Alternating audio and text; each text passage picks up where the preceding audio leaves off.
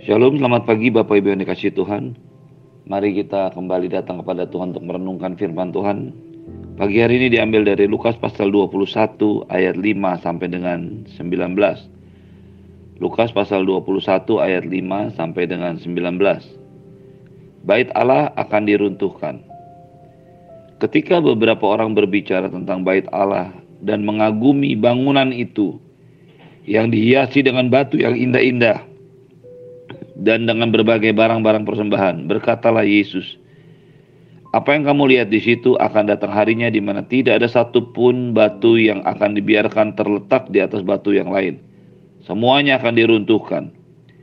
Dan murid-murid bertanya kepada Yesus, katanya, Guru, bila manakah itu akan terjadi? Dan apakah tandanya kalau itu akan terjadi? Jawabnya, waspadalah supaya kamu jangan disesatkan. Sebab banyak orang akan datang dengan memakai namaku dan berkata, akulah dia, dan saatnya sudah dekat. Janganlah kamu mengikuti mereka. Dan apabila kamu mendengar tentang peperangan dan pemberontakan, janganlah kamu terkejut. Sebab semuanya itu harus terjadi dahulu, tapi itu tidak berarti kesudahannya akan datang segera.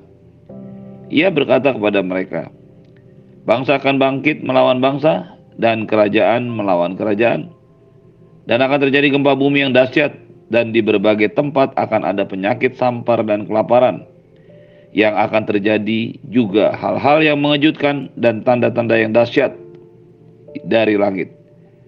Tapi sebelum semuanya itu, kamu akan ditangkap dan dianiaya. Kamu akan diserahkan ke rumah-rumah ibadat dan penjara-penjara. Dan kamu akan dihadapkan kepada raja-raja dan penguasa-penguasa oleh karena namaku. Hal itu akan menjadi kesempatan bagimu untuk bersaksi. Sebab itu tetapkanlah dalam hatimu supaya kamu jangan memikirkan lebih dahulu pembelaanmu. Sebab aku sendiri akan memberikan kepadamu kata-kata hikmat sehingga kamu tidak dapat ditentang atau dibantah lawan-lawanmu. Dan kamu akan diserahkan juga oleh orang tuamu, saudara-saudaramu, dan kaum keluargamu, dan sahabat-sahabatmu, dan beberapa orang di antara kamu akan dibunuh. Dan kamu akan dibenci semua orang karena namaku. Tetapi tidak sehelai pun dari rambut kepalamu akan hilang. Kalau kamu tetap bertahan kamu akan memperoleh hidup. Bapak Ibu yang dikasih Tuhan kita sudah belajar kemarin dari ayat-ayat sebelumnya. Bagaimana Tuhan Yesus yang berada di bait Allah mengajar murid-muridnya tentang persembahan yang dilakukan oleh orang-orang kaya dan persembahan yang dilakukan oleh seorang janda miskin. Mereka masih berada di bait Allah. Mereka baru saja mendengarkan bahwa dalam kehidupan percaya kita, kita harus belajar untuk memberikan kepada Tuhan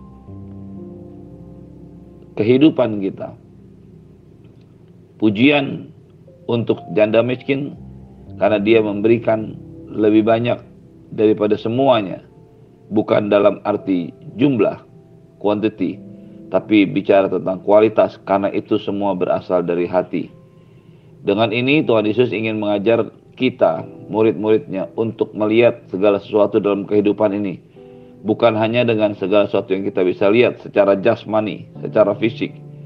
Tetapi ada sesuatu di balik semuanya, yaitu perkara hati dan perkara roh di dalam kekekalan. Ketika Yesus sedang mengajar murid-muridnya di bait Allah ini, Beberapa orang berbicara tentang bait Allah dan mengagumi bau bangunan yang dihiasi dengan batu indah dan berbagai barang persembahan. Tuhan Yesus tidak tertarik bukan tidak mengakui keindahan bangunan bait Allah, tetapi dia tidak tertarik untuk berbicara tentang sesuatu yang sifatnya jasmani atau bangunan fisik. Ketika orang mengagumi bangunan bait Allah yang memang dibangun dengan sangat megah sebagai bait Allah yang kedua, setelah yang pertama yang dibangun oleh Salomo dihancurkan, maka bangunan bait Allah yang kedua juga adalah bangunan yang merupakan pemberian dan dibangun dengan keindahan fisik. Bangunan bait Allah yang memang baik secara jasmani, secara fisik, memang indah dengan batu-batu hiasan yang mahal, bahkan emas-emas yang menjadi perkakasnya bukanlah sesuatu yang menarik perhatian Tuhan Yesus. Perhatikan apa yang dikatakan oleh Tuhan Yesus ketika orang memuji, mengagumi bangunan bait Allah. Tuhan Yesus langsung berkata, "Apa yang kamu lihat di situ akan datang harinya di mana tidak ada satupun batu yang akan dibiarkan terletak di atas batu yang lain. Semuanya akan diruntuhkan." Alih-alih mengagumi, menyetujui kekaguman atas bangunan bait Allah yang indah, Tuhan Yesus justru berkata kepada mereka, kepada orang-orang yang mengagumi bangunan bait Allah. Dia berkata, akan datang harinya di mana tidak ada satupun batu yang dibiarkan terletak di atas batu yang lain. Artinya, keindahan, keagungan, kekaguman bangunan bait Allah akan hancur. Dan ini tergenapi ketika tahun 70 di bawah pimpinan Jenderal Titus, pasukan Romawi menghancurkan kota Yerusalem, merubuhkan tembok-temboknya, dan kemudian membakar habis orang Yahudi yang masih tinggal di situ beserta dengan bangunan rumah mereka termasuk di dalamnya adalah bangunan bait Allah. Bahkan tradisi Kristen menyatakan orang-orang Yahudi itu mengerat mencopot emas-emas yang masih tersisa hasil pembakaran. Kita tahu ketika bangunan dibakar dan barang-barang atau bangunan yang mengandung emas, maka ketika hasilnya sudah terbakar selesai, mereka akan bisa tetap menemukan emas-emas itu dalam tumpukan batu-batu yang lain karena emas tidak mungkin bercampur dengan yang lain. Apa yang dikatakan oleh Tuhan Yesus itu terjadi. Dia tidak tertarik kepada bangunan fisik. Dia lebih dia sangat tertarik dengan apa yang ada di dalamnya yang sudah hilang. Bangunan bait Allah adalah sejatinya dibangun untuk menempatkan Tuhan di sana sebagai tempat pertemuan antara manusia yang menyembah Tuhan dengan Tuhan. Tuhan tidak bisa tinggal di dalam rumah. Perhatikan apa yang dikatakan Tuhan kepada Salomo. Dia tidak punya tempat tinggal di dunia ini karena dialah pencipta dan pemilik dunia ini. Dia tidak tinggal dalam bangunan, tapi ketika dia menyatakan kehadirannya dalam satu tempat, tempat di mana dia senang dan tinggal, maka itu sebenarnya adalah sebuah perkara rohani dan ilahi yang sangat luar biasa.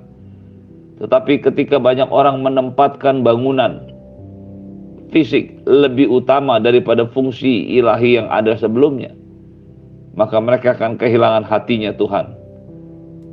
Bangunan bait Allah tanpa Allah tidak ada artinya sama sekali untuk penyembahan. Betul, bangunan itu masih bisa dikagumi, masih bisa dipuji oleh banyak orang yang melihatnya. Tetapi tanpa Allah, bangunan bait Allah itu menjadi tidak ada artinya. Ini adalah sebuah gambaran ilahi dalam hidup Anda dan saya. Sebagai orang percaya, kitalah orang-orang yang memang menjadi tempat kediaman Allah. Tempat di mana Allah tinggal. Sesuatu yang sangat luar biasa bukan ketika menyadari bahwa Allah mau tinggal dalam diri manusia. Tetapi kita tidak boleh mengulangi kesalahan yang sama yang dilakukan oleh bangsa Yahudi, orang-orang Israel. Mereka tetap mempertahankan bait Allah secara fisik. Mereka tetap memfungsikan bait Allah sebagai rumah Allah. Tetapi justru mereka kehilangan Allah. Mereka kehilangan Tuhan yang seharusnya ada di sana. Mereka kehilangan Tuhan yang harusnya menjadi fokus perhatian setiap orang yang datang ke sana untuk beribadah. Hal yang sama juga bisa terjadi dalam hidup kita ketika fokus hidup Anda dan saya berubah dari mengikut Tuhan, dari menyembah Tuhan, dari menyatakan keagungan dan kemuliaan Tuhan, menjadi orang-orang yang terfokus kepada hal-hal yang sifatnya jasmani, fisik belaka. Beberapa orang karena sesuatu yang fisik rela kehilangan sesuatu yang kekal. Beberapa orang rela kehilangan kekekalan bersama-sama dengan Tuhan karena mereka menginginkan sesuatu yang sifatnya jasmani dan fisik dunia ini. Ingat dan sadarilah bahwa semua yang ada dalam dunia ini akan berakhir, akan berlalu. Akan ada waktunya di mana semua yang sifatnya fisik, jasmani dunia ini akan selesai dan tidak bisa dipertahankan lagi.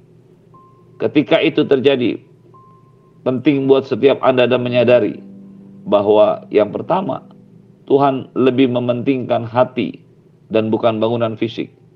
Hati yang menyembah Tuhan yang hilang dalam bait Allah itulah yang digundahkan oleh Tuhan Yesus. Itu yang menjadikan Tuhan Yesus gundah. Sehingga satu kali ketika dia masuk ke dalam rumah ibadah, dia langsung marah dan menyingkirkan pedagang-pedagang dan mengatakan rumahku akan disebut rumah doa, tapi kamu menjadikannya sarang penyamun. Ini menjadi sebuah gambaran betapa hancur hatinya Tuhan Yesus melihat bait Allah tanpa kehadiran Allah. Hal yang sama juga buat hidup Anda dan saya.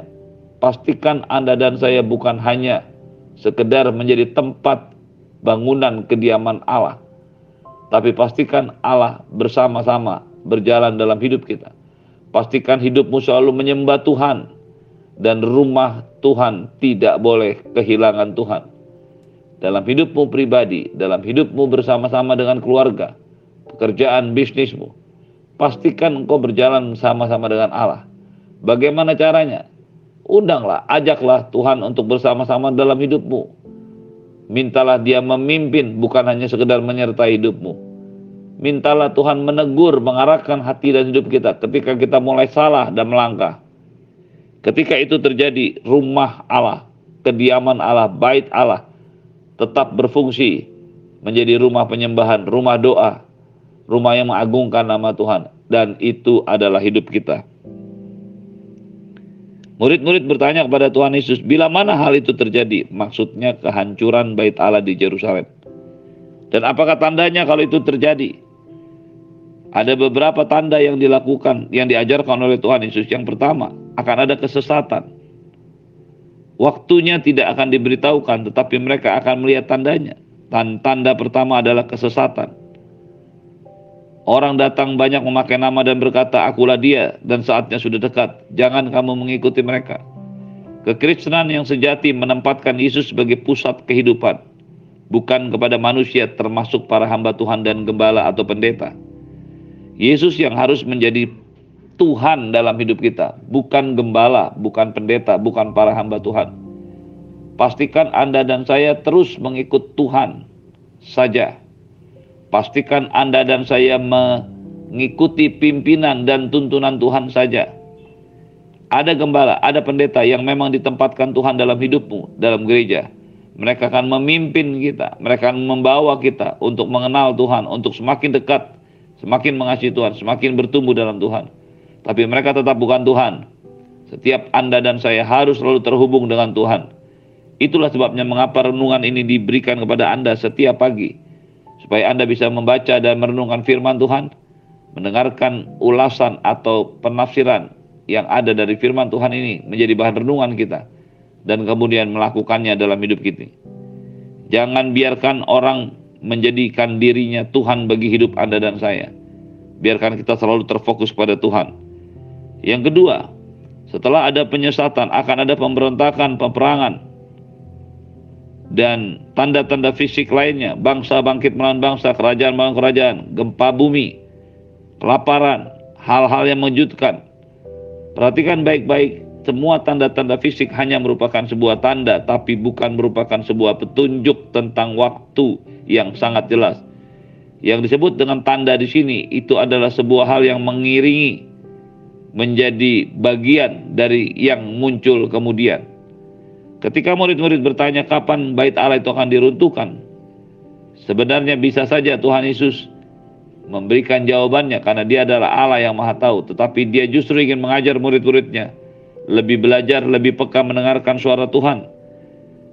Jangan terpukau dengan semua tanda-tanda fisik, tanda-tanda politik. Perhatikanlah apa yang menjadi tugas Anda dan saya seharusnya.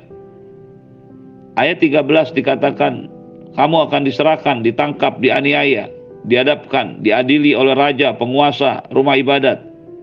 Ketika itu terjadi, inilah yang harusnya setiap Anda dan saya siap mengalami tekanan masalah dalam hidup ini untuk mempertahankan iman kita. Tuhan berkata, hal itu menjadi kesempatan bagimu untuk bersaksi. Ketika Anda dan saya dianiaya, mengalami masa yang sulit, bahkan ditangkap, itu adalah kesempatan untuk bersaksi kepada mereka yang menangkap, menganiaya kita. Tetapkanlah dalam hatimu kata Tuhan Yesus, jangan memikirkan lebih dahulu pembelaan. Tidak usah khawatir bagaimana membela diri, sebab aku sendiri akan memberikan kepadamu kata-kata hikmat sehingga kamu tidak dapat ditentang atau dibantah oleh lawanmu. Anda dan saya hanya perlu mendengarkan suara Tuhan. dan membiarkan dia memberikan kata-kata hikmat untuk menjawab ketika kita ditangkap. Tanda yang berikutnya akan kamu akan diserahkan oleh orang tuamu, saudaramu, kaum keluargamu, sahabatmu. Ada orang-orang yang karena tidak tahan menghadapi tekanan dalam hidup ini akan menyerahkan Anda dan saya. Akan menangkap Anda dan saya. Dan ini adalah sebuah fakta rohani yang terjadi. Kamu akan dibenci semua orang karena namaku. Perhatikan baik-baik ketika Tuhan berbicara begitu. Secara fakta dia berkata, beberapa dari antaramu memang akan ada yang dibunuh. Tapi tetap tidak sehelai pun dari rambut kepalamu akan hilang tanpa seizin Allah. Hal ini menunjukkan bahwa ada memang orang-orang yang diizinkan Tuhan untuk dibunuh, seperti yang sudah ditulis dalam kitab Alkitab kita. Kita melihat ada banyak orang-orang yang akan mati karena nama Tuhan. Tetapi semuanya ada dalam perkenanan dan izin Tuhan. Karena sejatinya rambut kepala kita pun tidak akan rontok tanpa seizin Tuhan. Alkitab mengajar kepada kita, Tuhan Yesus ingin kepada Anda dan saya bertahan dan kita akan memperoleh hidup. Ketika kita belajar firman Tuhan ini, kita tahu masa yang sukar, masa yang sulit selalu ada dalam hidup kita. Tetapi orang yang kuat, orang yang teguh akan terus menghadapinya. Berjalan bersama-sama dengan Tuhan, Sang Pemelihara hidup kita. Terimalah berkat yang berlimpah dari Bapa di surga cinta kasih dari Tuhan Yesus. Penyertaan yang sempurna daripada roh kudus turun ke atasmu hari ini. Dan sampai selama-lamanya. Dalam nama Tuhan Yesus semua yang percaya katakan amin. Shalom.